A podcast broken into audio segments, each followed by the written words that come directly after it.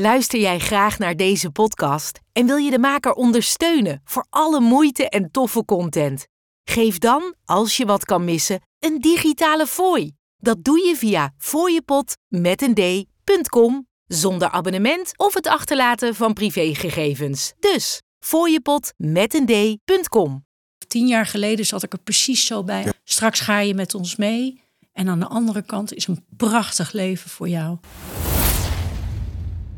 Lieve mensen, welkom bij een nieuwe aflevering van de podcast van Verslaving naar Vrijheid. Mijn naam is René van Kolm heel fijn dat je kijkt en luistert naar deze podcast. Vandaag hebben we als gast Margot, die erachter kwam dat haar zoon verslaafd was, maar eigenlijk bij nader inzien kwam ze erachter dat veel meer mensen in haar familie een verslaving hebben. En ja, hoe herken je het? Hoe erken je het? En wat ga je ermee doen?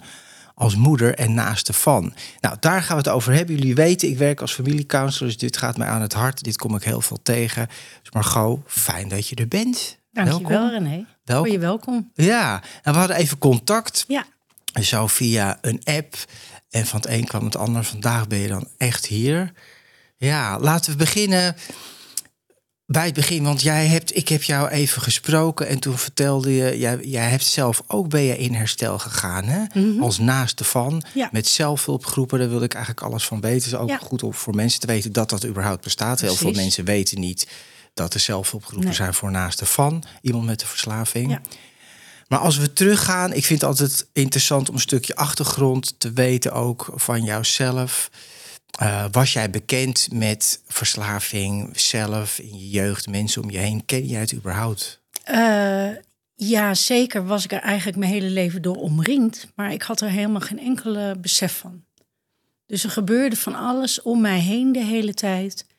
En um, tot mijn zoon in herstel is gekomen, heb ik me nooit beseft dat het ook al mijn broer was. Dus in mijn puberteit is mijn mhm. broer verslaafd geraakt. En daarna heb ik ook een partner uitgezocht in mijn uh, vroege twintig, die een verslaving had. Maar dat heb ik al die tijd niet doorgehad. Dus met die man heb ik negen jaar samengewoond, twee kinderen gekregen, twee mooie zoons. Ehm, en al die tijd had ik niet in de gaten dat ze aan verslaving leden.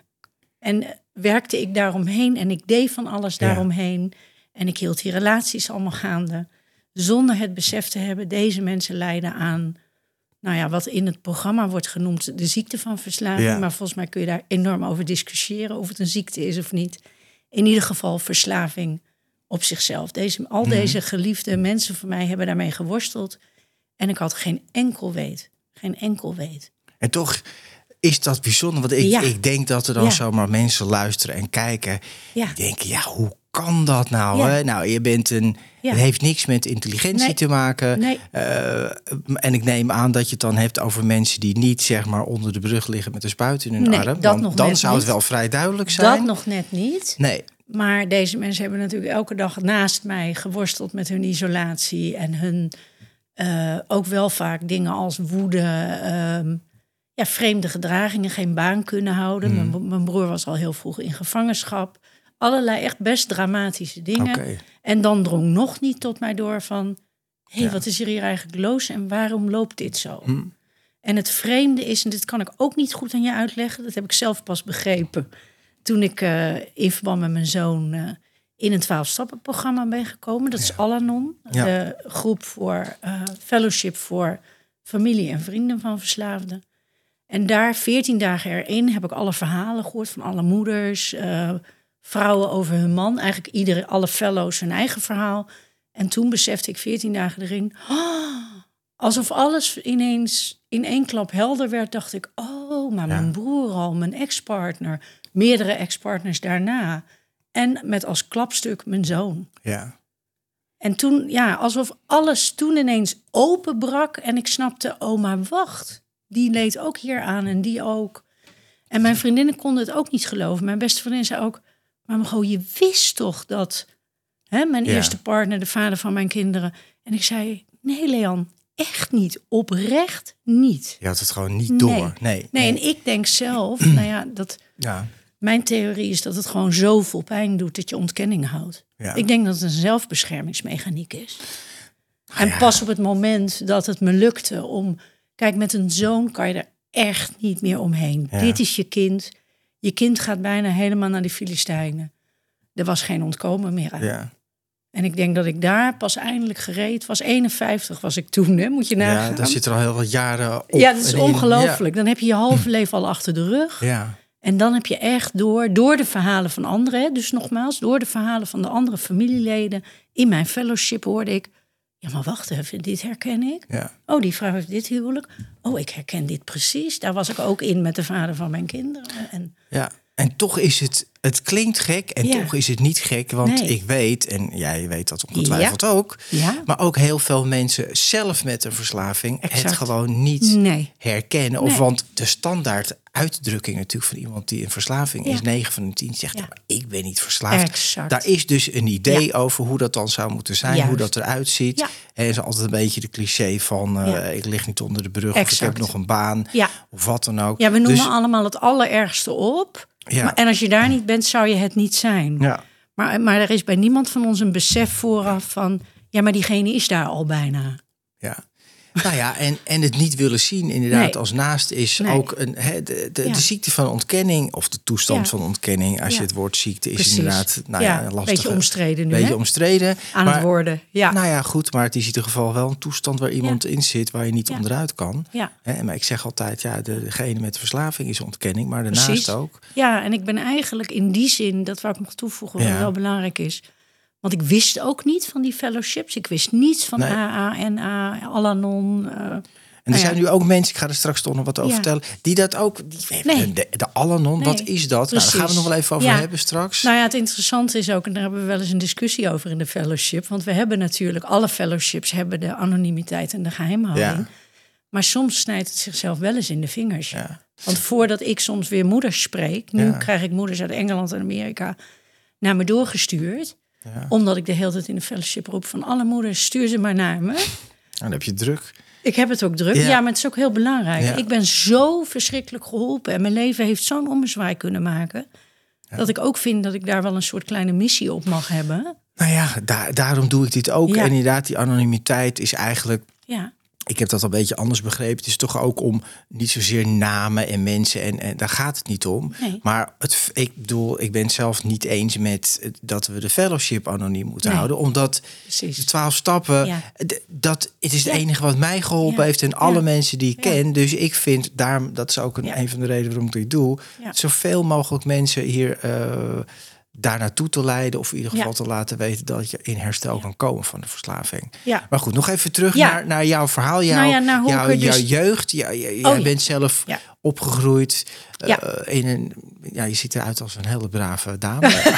dus jij was zelf niet van de middelen. Nou, ja, ik was zelf wel ook van de middelen. En het was sterker nog zo, toen mijn zoon aan het ontsporen was in zijn meerdere verslavingen, maar ik denk hoofdverslaving alcohol. Eh, heb ik dat ook nog eens heel lang kunnen ontkennen, omdat ik dacht, ja, zo was ik ook bij 20 jaar. Ja, ja. Dus dat- die ging ook nog aan. Zo van, ik ging iedere keer voor mezelf zeggen, nou, het valt wel mee. Want dit had ik ook. En dan zei ik ook steeds tegen hem... ja, bij mij stopte dat radicaal bij 24... toen ik ergens ging studeren. Dat klopt ook. Ergens heb ik radicaal kunnen niet stoppen, minderen. Mm. Kennelijk is me dat gegeven. Minderen met wat? Alcohol. Alcohol, ja. Ehm, maar ik wil zeker niet zeggen... mijn relatie met alcohol was bepaald ook niet gunstig. Nee. Maar bleef altijd net bij de grens genoeg... om ook weer misschien niet te zeggen... En je functioneren ging waarschijnlijk gewoon Exact. door. En ik is ging toch een- door. ja. Ik heb gelukkig een hele grote drive op allerlei andere gebieden. Dus daar ging de energie gelukkig ook heen. Dus ik kon op een gegeven moment studeren. Ik deed wel mijn dingen goed door. En ik wist me altijd binnen de perken te houden. Ja. Dus iets in mij heeft gelukkig net op tijd genoeg een rem. Ja. Maar dat was daar ook weer mijn valkuil. Want ik bleef maar denken, nou, hij komt er zo wel. En dan zei ik ook echt Ja, tegen ja, hem... Ah, schat, als je 24 bent, dan ben je het. daar wel klaar mee. Ik deed heel laconiek eigenlijk Ja. daarover. Nou ja, dat, maar ik begrijp het ook. Er zijn natuurlijk heel veel jongeren, eh, Ja. wat, wat ik Alle jongeren vind. drinken bijna, Zo niet, alle bij jongeren. wijze van. Nou, Ja. zuipen zeg maar. Ja, hè. Zuipen. echt wel gewoon... Ja, daar moeten we ook heel hard allemaal om lachen. hè? Ja, het is ook heel leuk, zeg Hè? maar tussen haakjes, Ja, maar niet heus. Ja, het is natuurlijk heel raar. Jij zei nog voordat we begonnen, alcohol is natuurlijk gewoon ge- gelegaliseerde harddrugs. Ja. Dan denken mensen, nou, nou, wat overdreven allemaal. Maar zo is het wel. Juist. Het is nummer één met qua verslaving in, van alle middelen. Ja.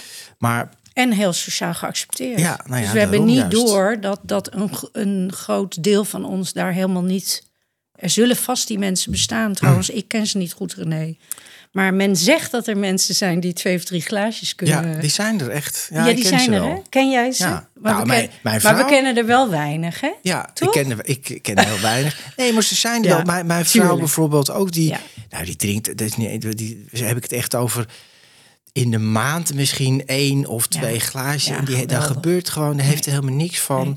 En er zijn natuurlijk best veel mensen die dat kunnen. Ja. Maar het zuipen is ook normaal. Hè? Dus Ja. zeker onder jongeren. Ik begrijp ook goed wat je zei van Ja.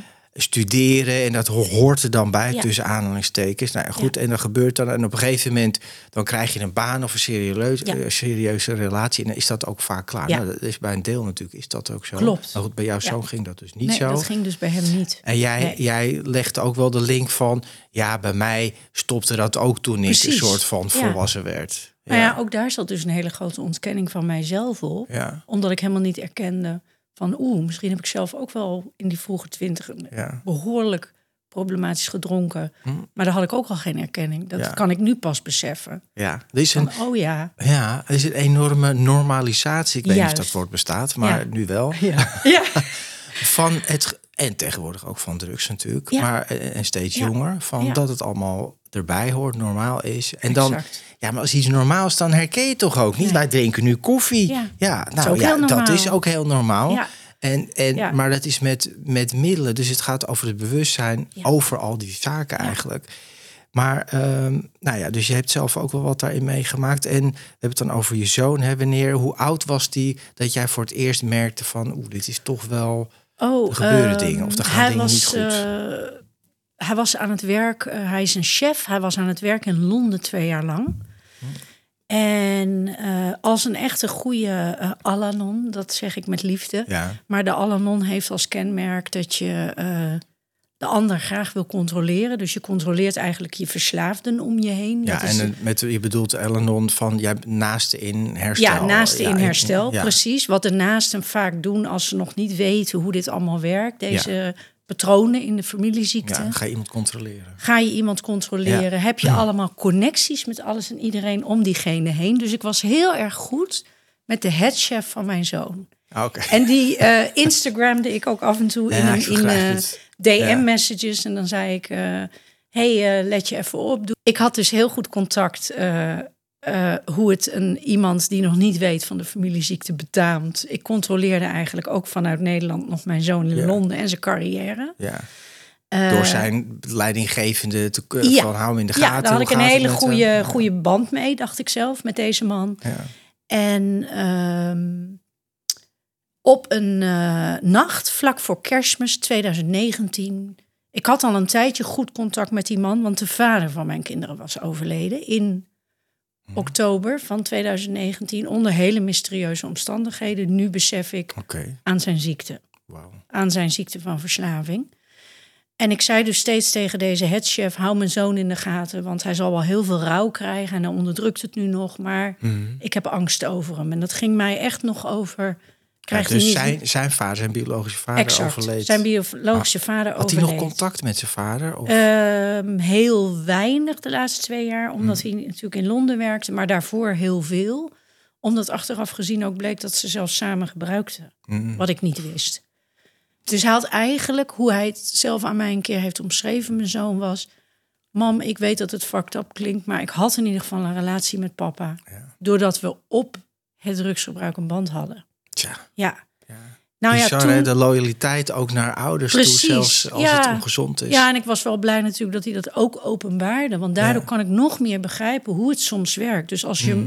als je want mijn andere zoon die niet, niets gebruikt, helemaal zijn hele leven niet, die is heel strak en ja, scherp in zijn eigen leer. Ja, mooi. En die heeft zijn, ja, maar die heeft zijn vader daarom afgewezen toen hij 16 jaar was. Eh, omdat hij wel heel duidelijk zag, mijn vader is in gebruik en hier klopt iets niet. En hij is onbetrouwbaar naar me. En hij heeft deze bepaalde gedragingen die me zoveel pijn doen, dan trek ik hier de grens en Ja. doe ik het niet meer. Verbreek ik de relatie. Maar die heeft eigenlijk nog meer moeite daarmee dan mijn Hmm. oudste zoon, omdat hij zegt: Het klinkt raar, ik mis pap en hij is in de, in de hemel, hoop ik, en bij zijn hogere macht. Ja, Uh, maar ik heb in ieder geval een band met hem gehad. ja. Ook al was het een verziekte band. Tja. Dus zo werkt ook weer het in de steek gelaten worden, kennelijk. Ja. En ja, onze pijnen of onze trauma's brengen we natuurlijk zo ook op elkaar over. Dus ja. is mij daaruit nog meer gebleken. Maar het is toch Ja. intens, hè? Dat Nou, je ook hè? een man hebt die Ja. dus in een verslaving zit Ja. en een en zoon. En, en eh, Ja, die man was wel al heel lang eh, niet meer bij ons gezin hoor. nee, Moet was al heel tijd uit Ja, elkaar. en en we, onze eh, tijdlijn loopt Ja. een beetje door elkaar. Dat Ja. maakt niet uit in dit gesprek. Het is wild, ja. Maar- want we hadden het even over je zoon, hè, waar je achter kwam dat hij Ja. dron- dronk en appte met Oh ja, zijn. eh, nee, en de chef, heeft mij dus geappt vlak voor kerst. 's ochtends Londense tijd om vijf uur 's ochtends. Een enorme grote rant op Instagram, in mijn privé eh, Instagram. En daar zei die chef, eh, ja, sorry mijn groot, spijt me echt heel erg. Eh, gelukkig nieuwjaar voor de hele familie. Eh, ik hoop dat je een heel goed jaar hebt. Ik heb je zo net op staande voet moeten ontslaan, want hij heeft gestolen van onze staf en zijn vrienden. En eh, nou, een soort rant zat er achteraan, waaruit ook wel bleek van oh, al deze mensen zijn Wat, ook sorry, wat is een rant? nou ja, een, een, een, dat iemand een soort van overdreven lang bericht stuurt met allemaal Nieuw woord voor beweringen. ja. Ja. hoe noemen we dit in Ah, het niet Nederlands? uit. Ik begrijp nou nu ja, wat je, snapt bedoelt. hem? Ja, ik snap Een ook. soort stream Ja. of consciousness. Ja, we gaan weer Engels. Eh, een gigantisch lang bericht, laten we het daarop houden, met dus dit verhaal. Hij mag nooit meer het restaurant noemen. Ik wil niet dat hij nog aan ons gelieerd is. Een heel eh, ja, chockerend bericht. Ja, en wat, En ja, toen was me wel voor het eerst, toen vielen de schellen al van mijn ogen en dacht ik, holy moly, dit gaat helemaal mis hier. En wat is er met mijn zoon aan de hand? ja. En toen rinkelde de bel nog steeds niet 100%, maar wel 80. Toen vroeg ik ook nog aan deze man op Instagram: heeft hij weer drugs gebruikt? Dus iets in mij wist het wel. Hè, dus een Tuurlijk. deelontkenning ging toch naar beneden. En toen zei gelukkig mijn huidige partner: dit moet je niet doen, want nu breng je je zoon ook nog in gevaar. En nu moet je ophouden met praten tegen deze persoon. Hè, want in hoeverre is dit allemaal een kluwen van drugsgebruikers bij elkaar? Die elkaar eh, het ene minuut afvallen en de volgende dag weer Dat terug zou willen. zomaar kunnen. Ja. Precies. Dus Ja. want nou, vervolgens wa- was ik wel heel erg in paniek, want ik kon mijn zoon niet bereiken. Dus ik probeerde te bellen naar Londen. Zijn broer probeerde te bellen naar Londen. Mijn man, mijn huidige man, probe- we waren alle drie eh, ja, fanatisch hem aan het proberen te bereiken. Want we, want we kregen wel de schrik daar om ons hart. Hmm. Van wat is hier gaande? En hoe ligt hij eigenlijk op dat kleine kamertje in zijn eentje daar in Londen? Verschrikkelijk. En op afstand. Oh, en, man, dat, oh, man. Ja, ja, en, En, ik- mijn man en ik gingen ook. eh, we, we waren toen, wat ik net al zei, hè, de, de, de, de naaste in verslaving wil altijd zijn verslaafde redden. ja. Dus mijn man zei ook: We gaan nu in de auto en we rijden naar Londen. En we reden oprecht naar de grens Mhm. bij België. En toen zei mijn man: Kijk even hoe duur de ferry is bij Duinkerken. Maar als je last minute de ferry neemt, kost die natuurlijk 500 per stuk. Mhm. Dus toen eh, raakten we bij de tijd. En ze- zei zelfs ik: We gaan te ver. Want we reden ook een soort bezweet Ja, ja. Maar Naar de pont toe. gewoon in angst en we paniek. waren ja. in zulke angst en paniek, maar we gingen dus continu redden. Dus ook hier waren we, nou om één uur 's middags kregen we hem eindelijk aan de lijn. En toen zei hij, mam, mam, waarom heeft iedereen me al zoveel keer gebeld? En ook de chef. En Niks aan de hand. ik weet niet wat er gebeurd is, Oh, zei hij toen. Hm. Nou, daarvan weet ik natuurlijk niet of het een blackout is of dat hij zich nog moest verschuilen voor mij. Of was hij het- in ontkenning van zijn verhaal? Ja, hij was absoluut in ontkenning van zijn verhaal. Ja. Ja. Nou, wat, wat, wat, wat, ja, er gebeurt dan zoveel. Je Ja. zegt be- bezweet, eh, Ja. angst, paniek. Ja. Logisch, elke ouder zal dat Ja. herkennen en ook Ja. ervaren. Ja, Maar en dan zegt hij, ja, aan de telefoon. Ja, Ja. Wat, wat, ik herken mezelf hierin. Hè. Ja, ik had hè? ook dagen mijn telefoon uit voor mijn moeder. Als ik echt op Ja. zo'n gebruikerstreak was, dan Ja. was ik gewoon van de wereld. Ja. Nou, en mijn moeder in paniek en waar ben je? En als, als ik er Ja. dan weer was, dan zei ik... Ja. Stel je niet zo aan, Ja, is niks aan de hand. Maak Ja. je niet Ja. druk, ik ben gewoon thuis. Ja, en, eh, terwijl nu ik het tegen je vertel, Ja. mijn hart klopt keihard nu, René. Om Ja, de herinnering terug te halen. Ja. Ja. omdat je gewoon een oerangst krijgt. Ja, Je krijgt echt een ja, oerangst. ja, of veel te geld is het er niet Ja, meer. Of wat dan precies. ook. Ligt hij Ja. daar in dat kamertje Ja. En dan ook nog ergens in een ander land. Oh my god. Ja. Nou goed, toen kwam hij de volgende dag wel naar huis. Want hij zou al thuis gekomen zijn voor kerst. Dus we hebben hem van Schiphol gehaald. En toen zagen wij, mijn man en ik, we Ja. zagen gewoon inderdaad voor het eerst... Ja, dat het gewoon tot je doordringt en dat je het ook niet meer ontkent, Ja. denk ik. Dus in zijn gezicht, pafferig, gewoon de hele ongezonde fysiek. Ja. Eh, ons vermijden natuurlijk met zijn ogen. Ja, Mm. toen was het gewoon best heel duidelijk. Ja. Toen dacht ik nog steeds, je zegt gewoon wat hij moet doen en dan volgt hij het op. dus toen zei ik, ehm, prima, ik heb je, je verzekering weer eh, aangesloten. Of hoe noem je dat? Eh, ja. Online heb ik je verzekering al geregeld. Je meldt je nu aan bij GGZ. Ik heb gegoogeld wie de beste zijn. Dat is GGZ Interventie eh, in. Amsterdam. Die hebben een 9,8 op, op herstel. En daar ga je naartoe. En daar eh, bel jij morgen heen en dan, ik orderde gewoon alles. Ik was Ja. als een soort generaal die haar boel bestiert. Ja. En ik dacht ook oprecht, dat gaat nu weer. Hij gaat dan doen wat ik zeg. ging eigenlijk, jij ging eigenlijk in de regie en de controle om Con- te zeggen. Complete En, controle. maar gaf hij zijn, want het begint natuurlijk met dat iemand ook zegt: Ja. Ja, mam, eh, of wie Ja. dan ook, ik Ja. ben inderdaad verslaafd. Deed hij dat? Nee, Nee, hij gaf. nee, Oké. niks. Hij gaf geen sjoegen, niks niet. En zei hij, ja mam, ik bel morgen. Dan ging hij ook bellen waar ik bij was. Want ik zei natuurlijk, je belt nu. Hier is de telefoon. En in de derde... Ja, ja, ik, Ja. draaien jullie er dan allemaal toch omheen? Eigenlijk- Of, ja, je zegt dan ga daar naartoe, maar waarom moet hij daar naartoe? Omdat hij een verslaving heeft, Ja. toch? Ja, ja precies. Ja. Ja. en ik dacht ook, je zegt tegen iemand, hier kan je beter worden. En dan doet zo iemand het ook. Ja, En dit is ook een soort illusie natuurlijk van een moeder. ja. Hè, waar je denkt, ik heb hem geboren laten worden. Toen heb ik hem helemaal verzorgd en vertroeteld. Ik heb hem helemaal... Nou, kijk wat een mooi groot sterk jong daar staat. Ja. En die doet nu nog wel even... Ik weet niet, het is een soort hele gekke illusie over... eh, alsof je je kinderen altijd kan regeren. Ja. Die ook niet kloppend is. Nou, ik denk dat heel veel ouders er nu meer inmiddels wel achter zijn Ja. dat dat echt Nee. niet zo is, maar Nee. blijven proberen. hè? Ja, precies. Ja, Dit willen we. Hè? We denken echt van, maar ik ben toch zijn vader of zijn moeder. En dan, dan heb ik daar Ah, toch de hand in. Dat, ik begrijp dat ook wel. Ik bedoel, ik heb ook een zoon en die zit gelukkig helemaal niet in deze categorie. Maar Ja, eh, hè, als de, je hebt altijd de neiging Ja. om Ja. doe dit, Ja. kijk uit en pas op. En Ja. heb je wel het beschermende en het liefdevolle. Het is goed bedoeld. Het beste voor hem willen. Hè? Het, het beste voor je kinderen willen. Maar ik vind het ook wel toch opvallend dat je inderdaad eh, toch een soort van zo komt het over. Hè? Ik was Ja. natuurlijk niet bij dat gesprek. Toch vermijdt van Ja. heb je gebruikt? Hoe Ja. zit je in die verslaving? Echt, nee, echt de details. allemaal niet. Nee. Nee. Dus daar gingen we allemaal heel mooi omheen, inderdaad. Ik ging gewoon eigenlijk beweringen doen. Hè, van, Oh ja. Nou, maar het was altijd naar de oplossing. Dus ik ging eigenlijk Ja. drie stappen vooruit naar helemaal niet wat is er in het midden aan de hand. Nee, regelen en wat is hier eigenlijk in deze familie aan de hand?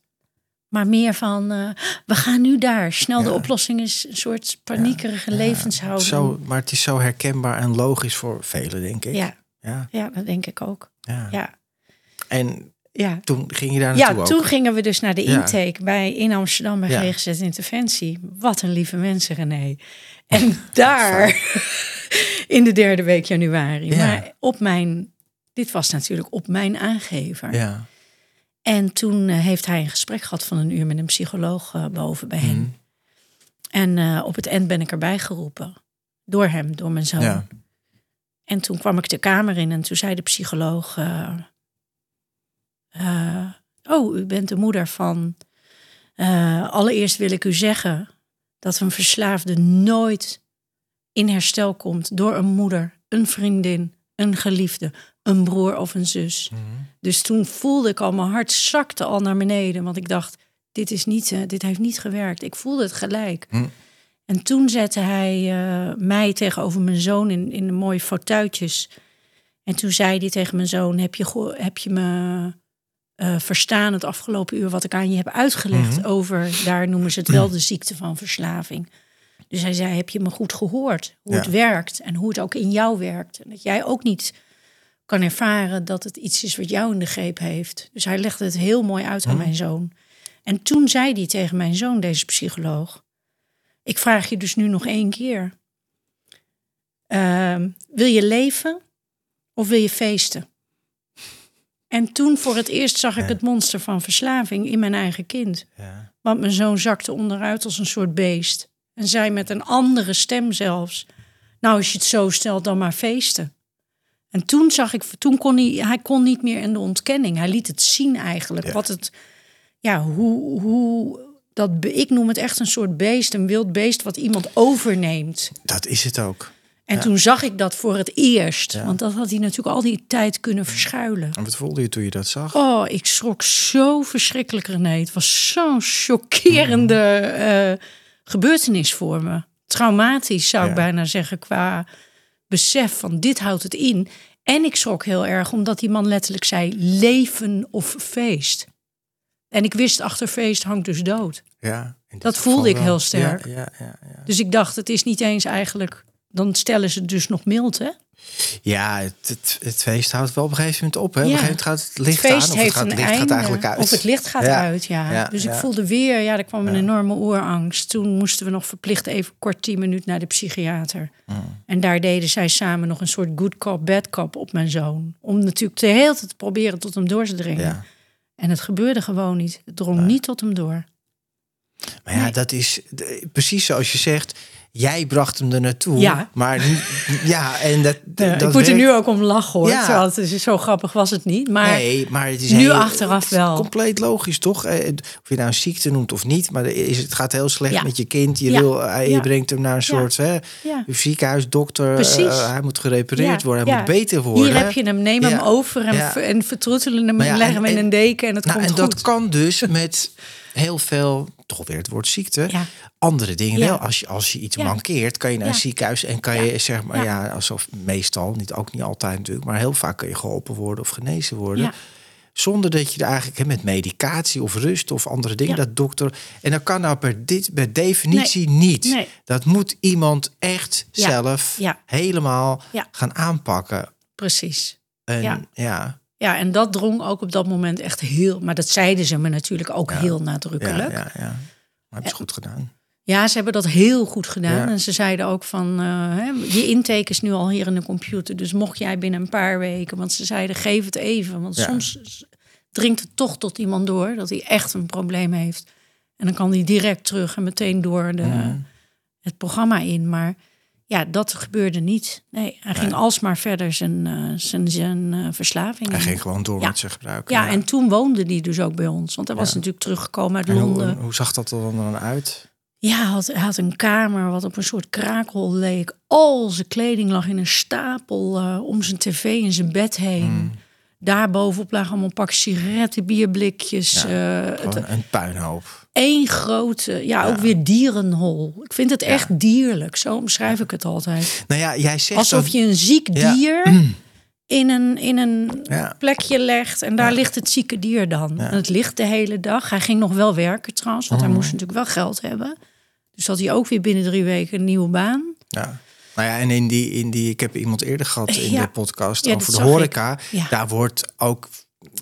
Niet overal natuurlijk Nee. bij iedereen, maar er wordt gewoon Ja. de alcohol is al heel genoeg Ja. gewoon, maar ook koken en, gratis, andere dingen. En ja, gratis. gratis. En de werkuren zijn natuurlijk eh, heel veel druk. ja, presteren. heel veel druk inderdaad. Ja. Wat hulpmiddelen erbij gaat het makkelijker. Ja, zo gaat het wel. ja. Maar wat jij net zei, hè, dat, dat nog even op terugkomen, dat echt iedereen die ik hier heb, of ze nou Ja. spiritueel zijn of niet, ergens in geloven of niet, iedereen zegt, het is gewoon, ik zie gewoon een demon, ik zie Ja. een monster in Ja, mijn zo kind heb of ik mijn het partner. ja. Dus er, er, er is energiematig gebeurt er gewoon, en ik ken het van mezelf ook, hè, dat je krijgt echt een hele andere kracht of zo. Zo. In, je, in jezelf, die wordt opgeroepen, maar die trek je ook aan. Nou, dat is niet het licht. En Nee, dat is niet dat is de niet liefde. het licht. Het Nee, is heel donker. Het is echt donker. Ja, het is ontzettend donker en heel vernietigend. Er zit alleen maar vernietiging in. Ja. Het, Ja. het ja. en, en eh, hij leeft dan nog een tijd, zeg maar. Nou ja, eh, goed. Ik heb de volgende dag zelf wel weer de GGZ-interventie Amsterdam Tuurlijk, ja, maar gebeld. En ik zei, ja. jongens, ik was gisteren bij jullie. Het is Ja. allemaal mislukt. Vertel me in godsnaam wat ik moet doen, zei ik. Ik was echt desperaat. En zij zeiden gelukkig tegen mij...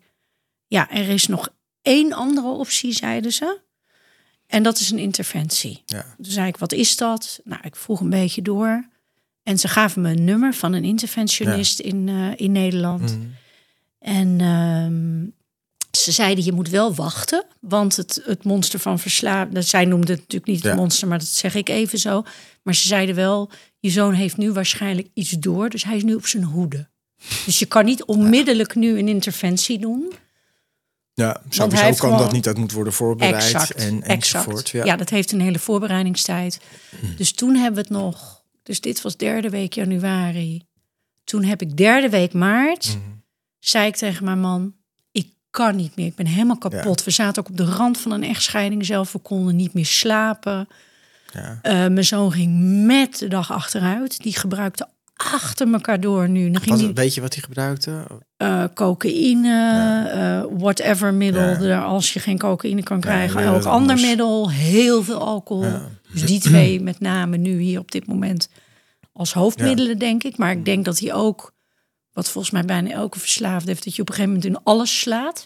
Overal komt verslaving op, Ja, ja. kan. Ja, ja, zeker. Oh, dus gamen ook nog uren. Game, alles wat maar ook mogelijk een, het in zich had om je aan te... Ja, nou, dat is steeds, dit is rabbit hole, hè? Waar je De steeds, rabbit hole. Ja, waar je Ja. steeds verder in komt en eh, eigenlijk ook dingen weer ontdekt die je nog kan toevoegen aan je ellende. Ja. Ja. Ja, dus... eh, Ja. Nou, derde week eh, van maart zei ik dus tegen mijn man van... ik kan niet meer, ik ga nu die interventionisten bellen. Ja. Ik ben helemaal klaar ervoor. Want ik vond het ook eng hoor. Ze hadden ook aan me uitgelegd van... Ja. dat, dat is heel erg een... eh, Confronterend. eh, enorm confronterend. Het is in, wel in volle liefde. maar je zet wel iemand het mes op de keel. Want je zegt ook tegen je kind... Als je dit nu niet aanvaardt... sta je buiten de deur Ja. binnen een kwartier. Ja. En dan neemt niemand meer contact. Dan, Ja. Je forceert een rock bottom. Dat is wat je doet. Ja, en weet je, het, en, en er zijn, ik heb natuurlijk wekelijkse, dagelijkse discussies met mensen. Ik had laatst ook weer iemand in de podcast die ik heel goed begrijp, die het zelf niet heeft meegemaakt. En die zegt van, ja, maar je zet toch niet je kind op straat. Margot? Ja, Ja, maar ja. die, dat zijn wel de mensen die nog niet genoeg Nee. ellende Nee. van deze toestand hebben meegemaakt. Dan weet je nog niet hoe erg het iedereen naar beneden eh, trekt. Het heel, ja, Want eigenlijk konden ik, mijn man en mijn jongste zoon bijna niet meer leven ook. nee. Zo, want de donkerte neemt alles over. ja wat, wat deed dan bijvoorbeeld met jou qua beïnvloeding? Ik kon bijna niet meer slapen. Ik was, eh, als hij niet thuis was, mijn zoon, zat ik de helft van de tijd te huilen. Ik was gewoon een gebroken mens aan het worden. En daar zat mijn jongste zoon ook weer bij, die daar Ja. natuurlijk vreselijk onder. Ja. Niet alleen had hij laatst zijn vader verloren, maar nu was ook zijn moeder helemaal down the drain aan het raken. En zijn broer. Want hij probeerde ook af en toe zijn broer nog te redden. Middels praten. En nou ja, hij heeft ook van alles geprobeerd. Ja, daarom is altijd, en dat is natuurlijk weer zo'n typisch eh, ding, maar Ja. verslaving is echt een familieaangelegenheid Ja. of een relatie. Ja. Het is als één iemand het probleem Juist. heeft, heeft iedereen het probleem. Juist, exact, dat is het. En dat Ja. is echt, eh, daar Ja. is geen ontkomen aan. Nee, nee want in, in Alanon noemen we het ook de familieziekte van Ja, verslaving. ja, omdat iedereen of in de gedragingen hangt of in, de, of in het gebruik. Ja, of Ja. in de overleving. Of hè, in de over- ja, nou ja, Iedereen zit eigenlijk in de ja, overleving. hè? Ja, Ja, ja. ja. En wat heeft hij gedaan met die interventie? Want Nou, het was, op een gegeven nou. René, het, was, het, is het is fantastisch voor ons geweest. Want daar hebben we dus allemaal ons herstel gevonden, de Ja. hele familie. Ehm, hij heeft godzijdank de hulp geaccepteerd bij de tweede brief. Je schrijft brieven. Ieder Ja. familie, het is met familieleden alleen maar. Dus het waren mijn ouders die in de tachtig zijn. Ja, Eh, ik, zijn moeder, ja. zijn broertje. Het is ook verschrikkelijk pijnlijk als je het vertelt, voel ik al. hè, Ik, ik doe het zelf ook met mensen, interventies. En, Ja. eh, maar het, is, Ja. het is wel, eh, gaat Ja, wel tot het bot. Gaat door merg en been. Ja. Je moet je heel sterk maken. Ja. Ja. En je moet maar ook wel echt benoemen wat het is en Ja. wat er gebeurt natuurlijk met je. Ja. En, oh, en zijn stiefvader was erbij trouwens. Ja. Die al heel lang bij ons woont. En ook Ja. eigenlijk als zijn vader had gefunctioneerd al heel lang. Ja. Ja. Ja, en, En- bij de tweede brief zei hij heel zachtjes, mijn zoon... Nou, oké dan. Luisterde hij dat? Ja. Maar dan was hij, hij was als een dier in het nauw gedreven. Ja. Ja, Ja, dat, dat, ja, het, het Ja. moet. Hè. Je Ja. kan niet wachten nee. als gezin tot je kind of je Nee. partner eindelijk een Nee. keer denkt... nou, nu moet ik er echt wat aan gaan doen. En nee, dat want zijn, het kan nog tien jaar duren of dat twintig jaar. Of nou, jij weet zelf 30 hoe lang. ja, Hier, 30 30, jaar jaar. Mijn moeder, eh, en, en er was... Mijn moeder wist, Ellen de twaalf stappen. Ik had er nog nooit van gehoord. Zij niet, eh, eh, niks. Dus er was, ja, goed bedoelde mensen die wel eens wat riepen. En dan zeiden ze ook wel, ja, gooi hem gewoon op straat. Maar dat is Ja, zonder enige informatie Precies. kan je daar ook niks mee als moeder. Nou, zij ging dat nooit. Dus Nee. Mijn moeder was nou super hè, reddend, redder in de allerhoogste niveau. ja, En, en verschrikkelijk lief. ja. Maar ja, zij zei ook gewoon als ik een behandeling had of in de kliniek zat. En daar maak ik natuurlijk zwaar misbruik van. Het zat een Mhm. beetje tegen. En dan belde ik erop en dan zei ik ja, en, eh, ze begrijpen me hier niet. En Oh, dit ja. past niet bij me. Ja, ja. Of eh, het lukt me niet. En dan zei ze, nou, als je niet gemotiveerd bent, kom dan maar weer naar huis. ja. en dan deed ze weer de deur open. Oh. Het is ja. heel liefdevol, maar dat was natuurlijk precies wat ik niet nodig had. Nou ja, dit, dit is wel grappig dat je dit zegt, René. Want ik heb nu andere mede-fellows in de programma Sponsor je elkaar. Ja, Dus ik heb een sponsor in Los Angeles die 76 is en die mij begeleidt. Je bent eigenlijk elkaars mentor. Hè, ja een mentor, sponsor is geen niet iemand die geld betaalt, Nee, maar nog even een mentor, ja. ja. dus inderdaad, je Ja. helpt elkaar gratis. Sowieso is trouwens al de 12-stap-programma's zijn Ja. gratis. En eh, je bent vrijwilliger voor elkaar in Ja. feite. En je deelt je eigen levenservaring met iemand Ja. die korter dan jij. Dus ik help nu ook heel vaak andere moeders als sponsor. Nou, geweldig. Ja, maar dan moet ik wel, dan in het begin ben ik dan ook heel strak. En dan zeg ik, alles wat jij nu doet, jaagt hem verder de verslaving in. En ik zeg het keihard, Ja. want ik mag het ook zeggen. En dan geef ik mijn eigen voorbeeld. En Mhm. dan zeg ik wat ik allemaal heb gedaan Ze voor mijn zoon. Je ziet dat ze faciliteren. op Precies, ja. Ja. Ja. Ja. wat we, wat we in het Engels noemen enabelen. Dus eigenlijk per ongeluk, Ja. zonder dat je het weet, vererger je. Ja. Je maakt niet de verslaving, je bent ook niet de veroorzaker ervan, maar je kan hem wel versterken. Ja, Door je handelen. Ja, of in stand Ja, houden door je handelen. Ja. En als je niet ervan af weet Ja. en je begrijpt niet hoe het in elkaar steekt, ga je als vanzelf het redgedrag eh doen. Doe je dat automatisch, ja. Dat heb je gewoon overgenomen Ja. uit je familie. Ja, en, en het is een, een instinct, een natuurlijke impuls Oh. van eigenlijk... Is, ja. Ja. sorry, en dat bedoel ik eigenlijk heel positief... van de Ja. liefdevol, hè, de onvoorwaardelijke liefde die de Ja. moeders hebben... en vaders ook vaak, maar vaders kunnen soms nog, nog wat meer afstand, Iets wat beter, harder... goede afstand Maar houden. voor een moeder is het gewoon een, een verschrikkelijk moeilijke taak. Ja, Eh, Ja, nou ja, je weet er alles van. Ja. ja. Ja. En toen, toen zei hij, nou, ik ga wel, maar niet ja met- nou ja, hij zei het met Ja. een heel zacht stemmetje. Zei het dier wat daar op de bank zat tussen mij in en mijn moeder in. Ja. Ehm, en ik wil trouwens nog even benadrukken over interventie. In de brieven die je aan hem voorleest, staat één alinea met heel veel liefde. Alles waarom je van diegene houdt. En dan in dit specifieke geval ook omdat hij jong was, denk ik. Hij was maar 23. Ja. Ehm, stond heel veel over zijn kindertijd. Dus de alinea Mhm. 1 heeft kindertijd. eh, wat je zo liefdevol aan hem vond toen hij een jongen was. Ja. Eh, de volgende alinea zegt wat zijn verslaving doet met jou. Mhm. Dus welke pijn. Dus in mijn geval zei ik, ik kan bijna niet meer slapen. Ik ben zo bang dat je doodgaat, Ja. net als je vader. Nou ja, dit, dit soort alinea. En dat is voor iedere persoon natuurlijk verschillend. Hè? Mijn moeder en oma zei weer andere, haar eigen dingen. Ja. En in de derde alinea ehm, zeg je nogmaals de liefde voor die persoon... en wat je in die persoon bewondert... en waarom je het belangrijk vindt dat die persoon terugkomt bij je. En in de vierde alinea zeg je allemaal... daar zegt elk familielid op zijn eigen manier... of je aanvaardt nu die hulp die hier vandaag voor jou... door ons is ingeroepen. Vanuit liefde hebben we die voor je ingeroepen... En je enige andere optie is, anders sta je over 15 minuten met je spullen buiten. We veranderen alle sloten. En ik neem nooit meer contact met je op. En zo forceer je eigenlijk die rock bottom. Ja. Want dan moet iemand echt kiezen. Ja. Wil ik bij de liefde blijven? Daar waar deze mensen het allemaal aan me laten zien. Ze houden van me. Daar kan ik blijven. Of word ik uit het systeem gezet? Daar Ja. gaat het eigenlijk over. Ja. Nou, en toen zei hij dus dat heel zachtjes. Ja, Hm. ja. En toen eh, gingen de... Er zijn twee interventionisten bij zoiets. Brak hij ook? Of, eh, Nee, nog niet helemaal. Maar toen riep de ene interventionist eh, keihard hoor. ja. eh, hoorde ik je ja zeggen? Zeg nog een keer ja. En ze ging eigenlijk een beetje tegen hem gillen. En, Mhm. Nou, er werd een hoop energie tegen die ja aangesmeten. Wat natuurlijk te maken heeft met dat je echt zelf intrinsiek moet voelen van ik moet nu hulp hebben. Ja. Ik kan het niet meer. Dan word je eigenlijk uit de ontkenning ge, gesnapt Ja. door hen. En ze zeiden zelf, ik weet precies waar jij bent. En ze gingen meteen op hun eigen verhaal in. Want de een was een, eh, een eh, Narcotics Anonymous Fellow... en de ander een eh, AA-fellow, Alcoholics Anonymous. En ze konden natuurlijk gelijk hun eigen hoop delen. En ze zeiden ook van, kijk hoe ik leef. Tien jaar geleden zat ik er precies zo bij Ja. als jij nu op dit moment. Je bent nog jong, we halen jou eruit. En dan straks ga je met ons mee. En aan de andere kant is een prachtig leven voor jou. Kijk maar naar ons. En ze zeiden allebei wel ook hoe hun leven nu is. Nou, dat was allebei natuurlijk heel positief. Want dit zijn verslaafden in herstel. Ja. Ze hadden allebei een glorierend bedrijf. En het waren gewoon hele vitale, ja, mooie personen. En ze deden het ook in liefde. Ze zei, oh, hij riep nog één keer ook nog, kwam weer de weerstand van het beest. Dus het beest riep, weten jullie wel hoe jullie mijn carrière verzieken?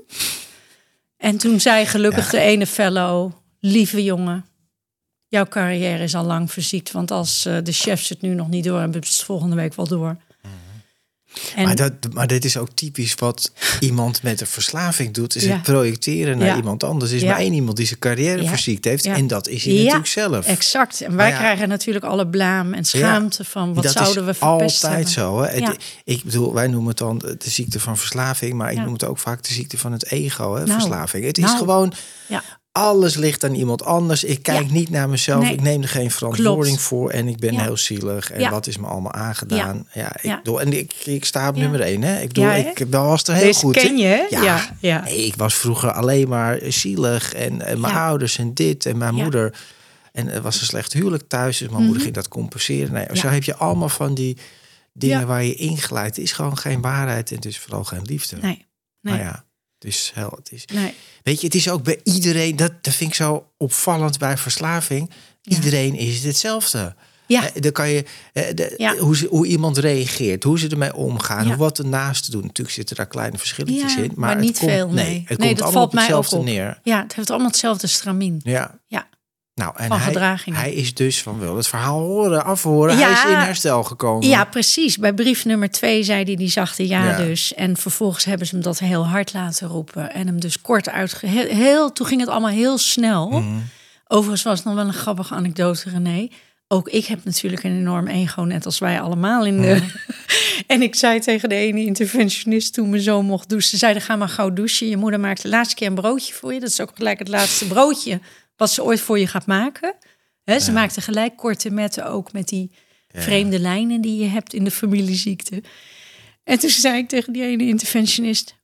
Maar ik ben een schrijver en mijn brief is heel mooi. Wordt mijn brief nu niet meer voorgelezen? Ja, natuurlijk ook jouw Ja, brief. Ja, Ja, maar ja, moet je ja. nagaan, wat een waanzin ook weer. Niet vatten, maar goed. Toen Maar ik zei kan me ook wel echt hij zei maar voorstellen gewoon, dat maak je niet druk. In Ja. de kliniek gaan ze therapie doen met alle brieven. En dan komen, hè, de brieven zaten al in een mapje klaar voor de kliniek. Lijkt me wel goed. Ja, en de brieven zijn ook in een groepstherapie natuurlijk bij Koert, bij mijn zoon naar voren Ja. gekomen.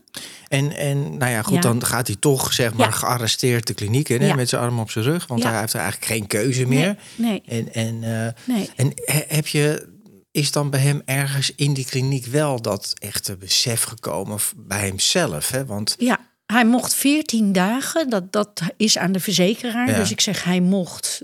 Dat kunnen ze dan, omdat het een eerste keer was, mogen ze dat loskrijgen bij de verzekeraar. Hij ze- zelf heeft aan mij verteld dat pas op dag 13 bij de brieven, de brieven, elke brief van de interventie, dus elke ja, de brief van grootmoeder, van opa, van zijn broertje. En de brief van zijn broertje heeft het hem gedaan, zei hij. Dus een fellow heeft in een groepstherapie alle brieven, iedereen was iemand. ja, Ze hebben de brieven aan hem voorgelezen. En omdat ze natuurlijk dan al dagenlang met elkaar elke dag in het 12-stappen-programma Ja. zitten en groepstherapie, ehm, hè, kon hij het wel aanvaarden dat zijn fellows daar in de kliniek hem confronteerden. Hè, dus daar word je natuurlijk wel op de gedragingen ja, aangesproken. absoluut. En de ontkenning. En, de, en dan ben je met andere jongeren die zeggen: Ja, hallo, geen bullshit hier. Nu zit je weer te liegen. ja. En hij zei dat daar dus op de dertiende dag, moet je nagaan, van de veertien Ja, dagen, Ja. is op de dertiende dag echt tot hem doorgedrongen dat hij leed aan een verslaving waar hij geen grip op had. En dat hij er ook wat mee wilde doen. Ja. ja. Ja, en nou, hij was ook gebroken kennelijk door Ja. de brief van zijn broertje. Hey, zo opvallend vaak hoe broers of zus, Nou, misschien hè? gelijk een tip, Nou, beter een impact kunnen hebben. Nou. Want ouders dan doen ze toch vaak dit. Ja. Hè? Ik bedoel, als je moeder of je vader gaat praten, dan denk je ja. tuurlijk, pap, ja, mam. Ja, Ja, ja, Jij ja. oude tak, wat weet jij nou helemaal? Ja, daar, is een soort weerstand. eh, nou ja, je hebt natuurlijk rebellie tegen je ouders Ja. per definitie. Dat hoort ook en dat moet ook. Eh, maar in dit geval is het Ja, eh, ja. jammer. Ja, maar je kan natuurlijk niet aankomen bijna als ouder. Nee, als Nou. ouder is het denk ik bijna nog het moeilijkst. ja, is het moeilijkst. Ja. Is het moeilijkst. Ja, dat en ik denk sowieso, dit, Ja. he- dit heeft mijn zoon mij ook verteld. Ook in de kliniek en ook in de nabehandeling in Amsterdam. Ehm, want er was trouwens nog wel een nabehandeling van drie maanden natuurlijk. Het gaat niet zomaar over nadat Ja. de kliniek verlaten is, gelukkig. Eh, maar hij heeft mij ook gezegd dat de mensen van wie hij het meeste heeft kunnen horen, waren de mensen die zelf verslaafd zijn. Ja, nou ja, dat is Ja. daar, daarom werkt Ja. dat hele principe. Ja, en hij zei er waren hele goede andere psychologen bij. Maar diegenen die zelf verslaving hadden, die komen gewoon nog steeds echt bij me binnen. En dat hoor je ook echt van, eh, van de andere fellows in de AA. Mhm. Ik kan alleen horen van iemand die ook een alcoholist is. Ja. En zo werkt het ook, heb ik gezien. Ja. Nou ja, zo werkt het in. Ja, dat is gewoon de ervaring Ja. en de gevoelens kennen en Exact. herkennen van elkaar. En dan neem je het toch ook Ja. aan. ja, dus daarom werkt dat ook Ja. zo mooi. ja. En hij is nou ja, uit de kliniek genomen, hij heeft zijn herstel gepakt. Ja, hij, hij is ook de, de meetings en dingen Hij is drie jaar en zes maanden in herstel. Bijna de zevende maand nu al, dus dat is fantastisch. Eh, hoe, voor zover ik het begrijp uit herstel is dat ook al een goede... Hè, jaar één schijnt het meest spannend te Ja. zijn op, op terugvallen. Dus dit is Ja. heel eh, geweldig waar we tot nu toe zijn.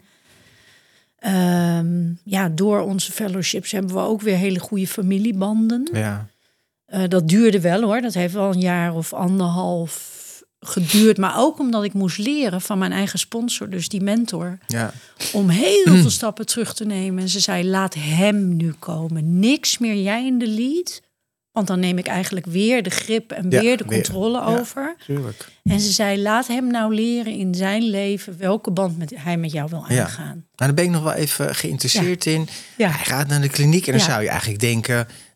Probleem opgelost natuurlijk. Maar Oh, sorry dat ik Eh, lach, René. Ja, nee, ja, ik lach Nee. zo vaak van herkenning in deze... precies. ja. Ik ook. Maar Nee. dacht, wanneer was het punt dan dat jij dacht van... ja, maar ik moet ook naar die meetings toe, want we hebben dan voor Oh. de naaste. Nou, we hadden erg veel geluk, want de interventionisten gaan ook voor familieherstel. Ja, En ze zeiden tegen ons meteen, tegen mijn man en mij: ehm, Oké, wij gaan hem naar de meetings brengen. Ja. Hè, zodra hij uit de kliniek terug is. Wij zorgen dat hij in eh 12 stappen eh, in Amsterdam terechtkomt. Eh, maar jullie moeten onmiddellijk ook nu naar Alanon. Jullie zijn allebei Alanonners. ja, Eh, ga naar dat fellowship. Het was toevallig toen natuurlijk net, het was de eerste of de tweede lockdown toen gelukkig. En overal in de hele wereld begonnen Zooms op te komen. Dus ze zeiden tegen ons, ga maar kijken op Zoom waar een meeting is. Nou ja, Ja. er waren echt overal en Ja. nergens meetings. Dus we waren heel snel al terecht in, eh, mijn man zit in een hele goede meeting in Londen. Hm. En daar eh, begonnen mensen ook natuurlijk enorm naar ons uit te reiken. Dus Ja. een andere fellow uit Los Angeles zei tegen mijn man: Ja, jij en je vrouw moeten in. eh, er is een hele goede meeting voor ouders in LA. Daar moeten jullie naartoe. Dat is dan en dan. Hier zijn de Zoom-codes. Mooi. En de interventionisten hadden ook uitgelegd aan ons: van als je in de familieziekte bent, ben je eigenlijk afhankelijk allemaal op elkaar. Dus ik en mijn man. Dus je kijkt eigenlijk altijd naar de ander van wat eh, moet ik doen. Vaak heb je niet zoveel zelfbeslissingsbevoegdheid meer op de een of andere manier. Heb je dat weggegeven aan dat hele familiesysteem. Eh, dus ze zeiden ook tegen ons: ja, maar. Eh, Margot, drie eh, verschillende meetings per week. En zo snel mogelijk een sponsor zoeken, die mentor dus. En eh, mijn man werd ook datzelfde gezegd, maar zei andere meetings dan Margot. Mhm. Want in de familieziekte komt voor dat je codependent op elkaar bent. Ja. En veel te veel Afhankelijk. Ja, Ja. afhankelijk van Ja. elkaar. Dus constant gaat checken van, vind je het goed? Of zullen wij... Ik praat ook heel vaak in wij toen. En niet in ik. Ja, ja, En dit is ook leuk. Of leuk. En iedereen heeft zijn eigen proces daarin. exact. Dat zeiden zij ook. Van, want anders ga je weer elkaar volgen.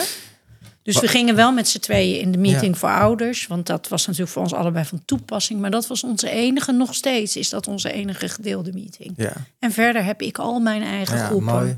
Maar dat is ook Ja. wel heel mooi. En dat wil ik nog wel meegeven aan iedereen die daar ook luistert en kijkt. Dat als je kind of je partner of je familielid, die dan ook een verslaving heeft.